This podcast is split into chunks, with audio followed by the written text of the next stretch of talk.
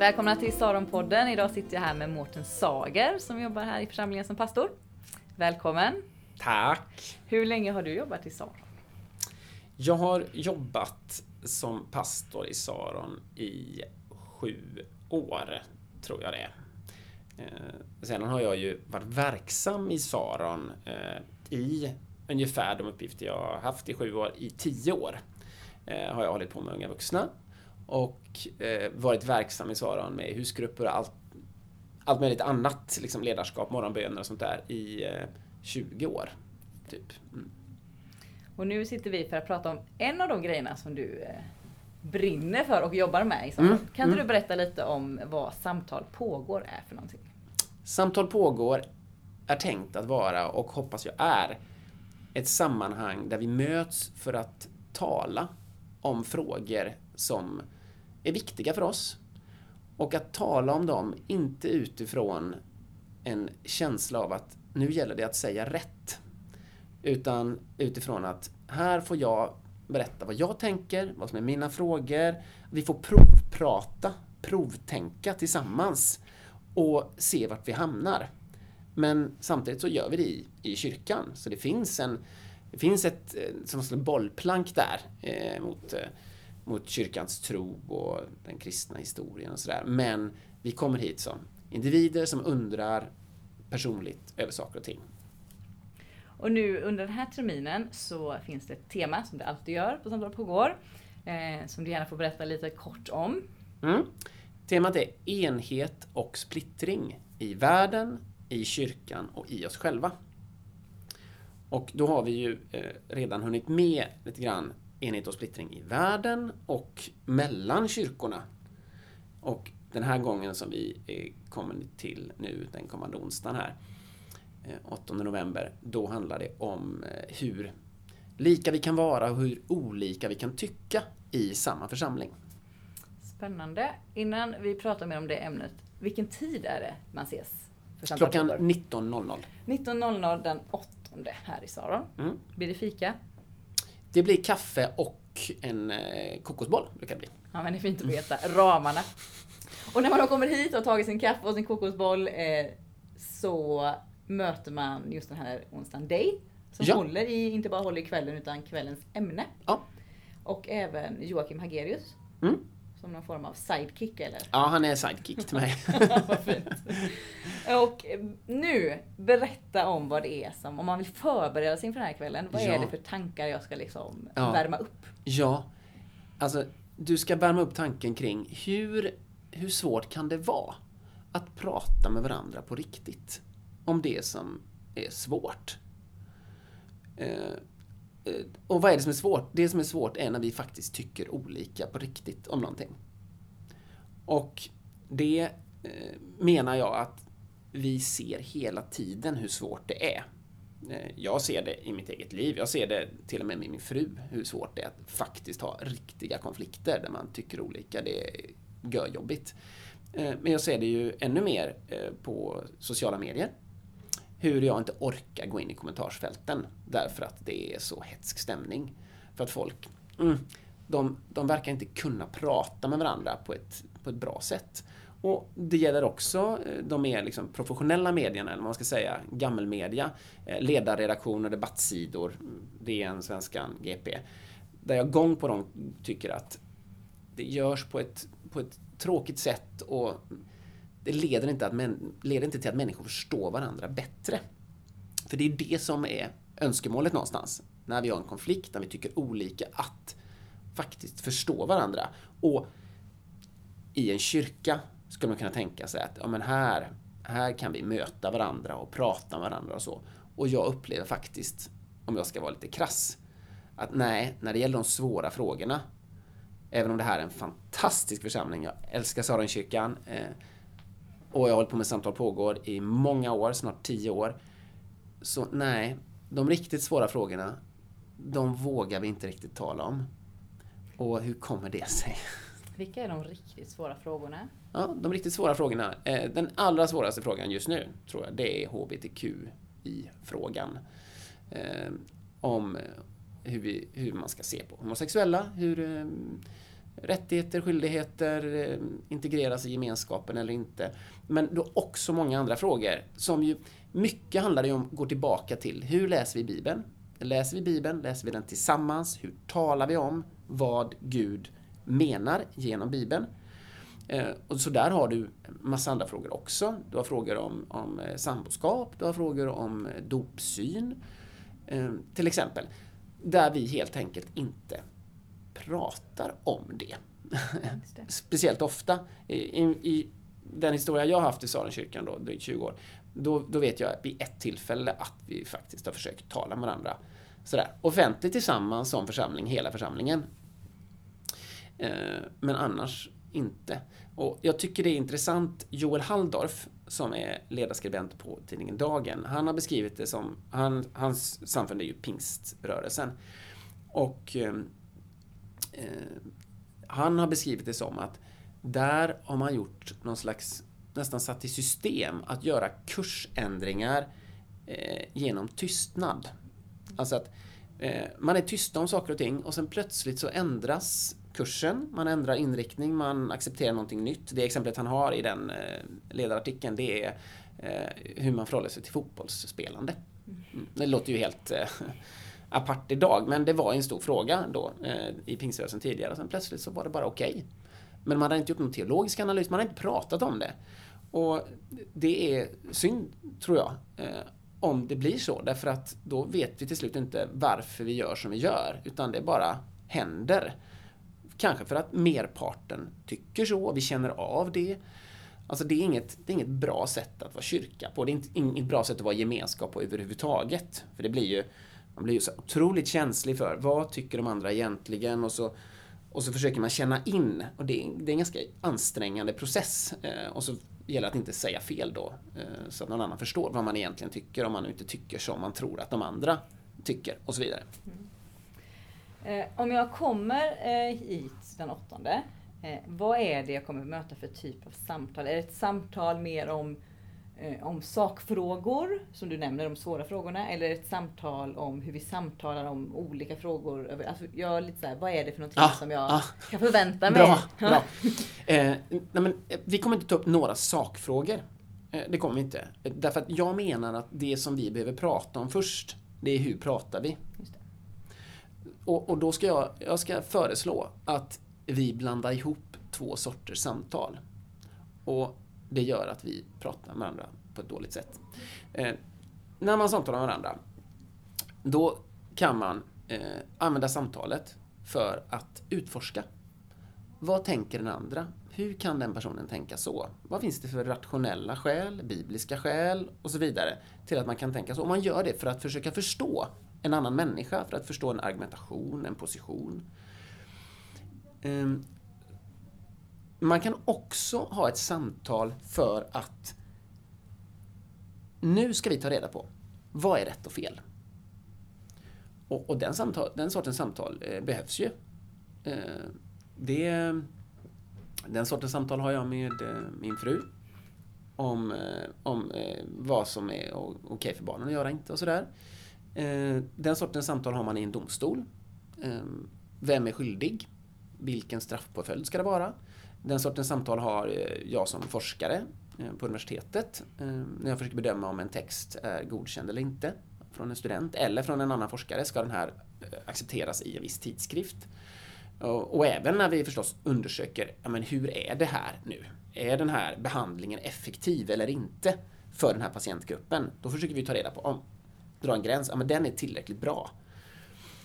Men när vi blandar ihop de här sakerna, så att så fort vi börjar prata om till exempel HBTQ-frågan, om man direkt då tror att nu pratar vi om det här för att vi ska ta reda på vad som är rätt och fel. Vad, vad går gränsen? Hur ska vi göra som kyrka? Om det ligger i luften, då kommer jag ju aldrig att förstå hur en annan människa tänker. Det finns en risk att jag inte ens kommer att förstå riktigt vad jag själv tänker och varför jag tänker så. Därför att jag är så, vi är så måna om att nu ska vi ta reda på vad som är rätt och fel här. Sen är det ju så, eh, och det är därför som det blir svårt, att de utforskande samtalen, där finns det förstås alltid, eller oftast, en fråga om liksom, vad som är rätt och fel. Det är ju därför man utforskar, man är nyfiken på sådär va. Men om vi är för snabba med att eh, dra den där gränsen, sätta den där etiketten, eh, fastslå den där positionen, då om inte gör vi utforskandet, då kommer vi inte längre, så att säga. Om jag har fått reda på att, ja, okej, okay, jag är sån, då, då är det inte så intressant att berätta vad jag tänker. Jag hade en sån konversation på Twitter häromdagen, då någon sa, ja men bevisa Gud, eh, sa, sa den personen. Och jag, jag, tog för givet att den personen liksom, att det var lite skämtsamt sådär. Det, jag har 140 tecken på mig. Jag, jag tänker inte försöka bevisa Gud för någon som liksom, jag inte vet vad den har för bakgrund och sådär. Så jag sa det, men vi skulle kunna eh, om du kommer förbi Göteborg så slå en pling så tar vi en kaffe och pratar om det här. Och så säger personen, nej, eh, jag, eh, eh, jag, kan, eh, jag kan peka på en bil, jag kan peka på en människa, men Gud, peka på honom. Och jag tänkte, ja men jag ska inte ta för givet att... Eh, utan, ja, så jag sa, ja men jättebra, då, då pratar vi vidare om det någon gång sådär. Nej, det räcker med vetenskap, säger den personen då. Och det är ett tydligt exempel. Jag gav ändå den här personen en chans att det kanske är, den här personen kanske är uppriktigt intresserad av hur kan man tänka kring Gud? Jag har aldrig förstått det. Hur, hur, gör, hur tänker du? För du har ju en tro. Sådär. Men den personen var ju bara intresserad av att säga att du kan inte bevisa Gud, du kan inte göra det här och nu och därför så tänker jag inte acceptera någonting mer. så, eh, så, så, så, då menar jag att, då, ja, då, okej, okay. jag får acceptera att han ville bara dra en gräns där för vad som var rätt och fel. Eh, men då blir det inte något utforskande samtal. Sen ska man också tillägga att som humanist då, för jag finns på en humanistisk fakultet, eh, så eh, jag pratade med några studenter häromdagen och då var de lite missnöjda på vissa humanistiska seminarier som är på humanistiska fakulteten. Därför att där får man aldrig reda på vad som är rätt och fel. Mm. Utan läraren bara bara tillbaka och säger ”Jaha, vad tänker ni?” ja, men det var intressant och sådär. Och de har ju seminariefrågor och tentafrågor som de måste svara på sen när kursen är slut. Och då vill de ju veta. Liksom. Men okej, okay, hur ska man se på idealism och empiricism eller något sånt där? Va? Eh, eller något annat. Och då fanns det en frustration över, men ni måste också berätta för oss. Vad, ni kan ju det här. Säg vad som är rätt och fel. Så att jag säger inte att det gränssättande är fel och det utforskande rätt. Eh, utan det handlar om att förstå när är vilket sorts samtal bra? Och jag tar upp det här därför att jag menar att om vi börjar förstå att vi måste få utforska saker och ting i lugn och ro och sen så småningom dra en gräns i en församlingsordning eller i ett policydokument eller vad det nu är för någonting. Då kan man också börja fundera på hur går ett utforskande samtal till? Vad är, är det som det, kännetecknar det? Är det det som ska liksom utforskas då? ja, ja, det ska utforskas. Bra! Exakt, vi ska utforska utforskandet. Vi ska utforska om vi nu är överens om att ibland så blir vi utforskande samtal. Vad kännetecknar ett sådant samtal? Kan vi, kan vi komma överens om det ungefär? Och jag tror egentligen vi kan det. Alla vet hur ett gott samtal ser ut. Alla vet hur, ett, hur villkoret för ett gott samtal ser ut. När de själva känner sig bekväma med att berätta vad man tänker om någonting och, och pröva sina tankar. Eh, men även om vi alla vet det så tror jag vi blir uttalade inför varandra och kanske liksom göra det tydligt och, och påminna varandra framöver om vi ska kunna ta de här svåra frågorna som vi måste ta i. HBTQ, dopsyn, samboskap eller vad det nu kan vara. Okej, okay, hur talar vi nu? Kan vi påminnas om det? Ja, men vi, vi, vi säger det inte på ett enkelt sätt. Det där är obibliskt. För Bibeln kan tolkas på olika sätt. Och vi läser den på olika sätt. Så det kan vi ta bort. Liksom. Och också, ja men det där är ju liberalteologi. Den tar vi också bort, för det är en etikettering eller en positionering. Så, eh, I varje fall med ett visst tonläge. Tonläget är jätteviktigt att prata om. Därför att man kan ju säga, men är inte det där liberalteologi? Det kan vara en fråga. Är det så du tänker att... Men däremot, men det där är ju liberalteologi. Då har man satt en etikett på någon. Då, då har man slutat utforskningen. Så att, att tala igenom de här sakerna, det tror jag kan bli jättespännande och också försöka se framför sig hur kan vi ha utforskande samtal framöver om de här sakerna? Jättespännande och viktigt. Jag tänker, det är ju inte alla som kanske lyssnar eh, just nu som har möjlighet att komma eh, hit till Saron. Har du några handfasta tips kanske hur man kan liksom ha sin eget samtal pågår i den, där man finns liksom. Eller hur man kan föra de här utforskande samtalen om att utforska. där, mm. där man finns och i de frågeställningar som man själv lever i. För det kan mm. vara olika som är stora frågor tänker jag. Nej, men jag tror att eh, jag tror att även om vi vet, jag tror att vi någonstans vet vad vi trivs med, så är det faktiskt så att, att det, är, det, är, det är svårt. Därför att vi inte alltid är övade på. Så till exempel bara eh, som, som ett sådär privat personligt exempel så brukar jag och min fru då när vi, när vi märker att okej, okay, nu är vi på väg in i en konflikt eh, och man har upplevt någonting som man är arg över eller sådär. Så brukar vi säga till varandra väldigt tydligt så här. Du, nu ska jag säga någonting och jag vet inte om jag står för det. Men så här känner jag. Så att man skiljer på känslan man har, för den är ju aldrig fel i sig. Däremot så behöver den inte, man kan tolka den på olika sätt. Och det är inte säkert att jag tolkar den just nu på ett sätt som jag egentligen tror på eller är bra. Eh, så då säger vi liksom så här. Mm, jag ska säga någonting nu och jag vet inte om jag menar det eller står för det, men jag behöver berätta detta. Och så försöker man liksom placera det utanför sig själv. Så att man tar sig ifrån en slags, ett slags nollsummespel. Det vill säga, om jag säger någonting som eh, att jag har tagit illa upp av någonting, då är det lätt att det uppfattas direkt som att okej, okay, då är det hon som har gjort fel. Eh, precis som att om vi diskuterar eh, Bibelns tolkning av eh, homosexualitet till exempel. Då är det, då är det lätt, om jag nu lägger fram ett, en läsning av en text som problematiserar det eller som styrker att någonting är på ett visst sätt. Då är det väldigt lätt att någon annan uppfattar det som att okej, okay, så du säger att jag har fel i, i min position eller vad jag tycker. Om vi då sa jag ska presentera någonting som jag tycker är intressant och som jag undrar över. Och jag vet inte riktigt var jag hamnar här. Jag vet inte vart det här leder, men jag skulle vilja presentera. Skulle man inte kunna läsa texten så här? Jag har hört det här argumentet. Vad tänker du om det? Är det någonting som hjälper mig att förstå detta bättre? Alltså, så det här handlar mycket om ord, attityd, inställning och, och ha på något sätt bilden framför sig av att, att man har inte förstått allting ens själv, om vad man själv tycker. Men att vara intresserad av att tillsammans utforska det. Och att lita på att man kan hjälpa varandra med det. Och då tror jag att det är någonting som vi kan öva på nästan varje dag, eller i alla fall med de som vi har närmast eh, ganska mycket. Mm. Um, och, och, tänka till på att und, alltså det, det finns ju vissa saker man ska undvika också. Man ska undvika att börja misstänka, misstänkliggöra någon.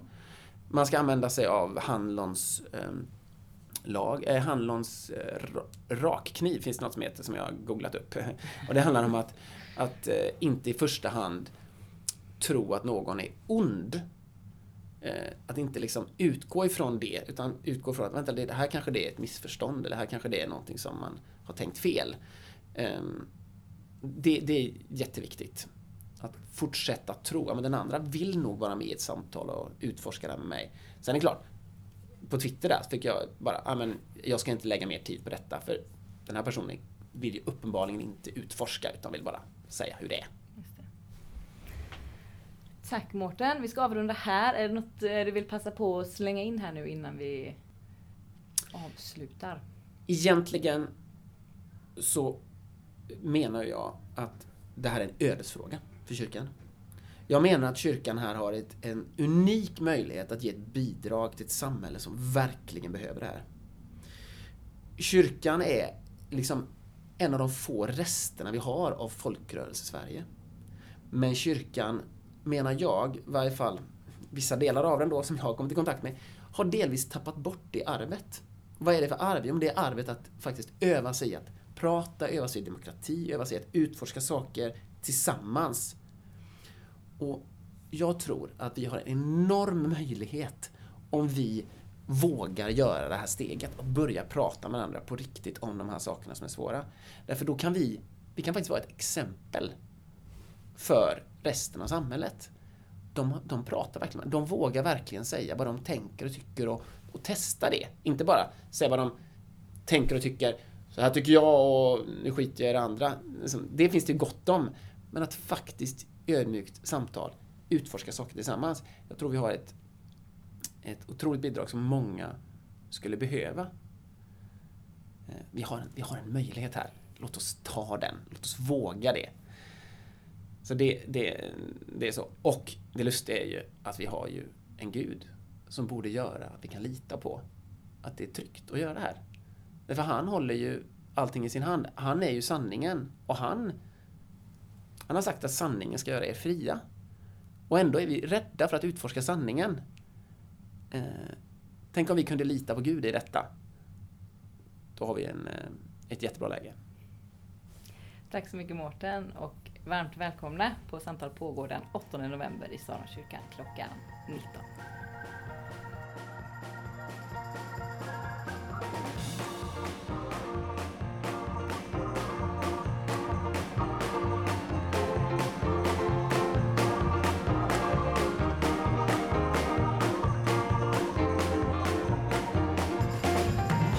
Saronpodden produceras av Saronkyrkan i Göteborg.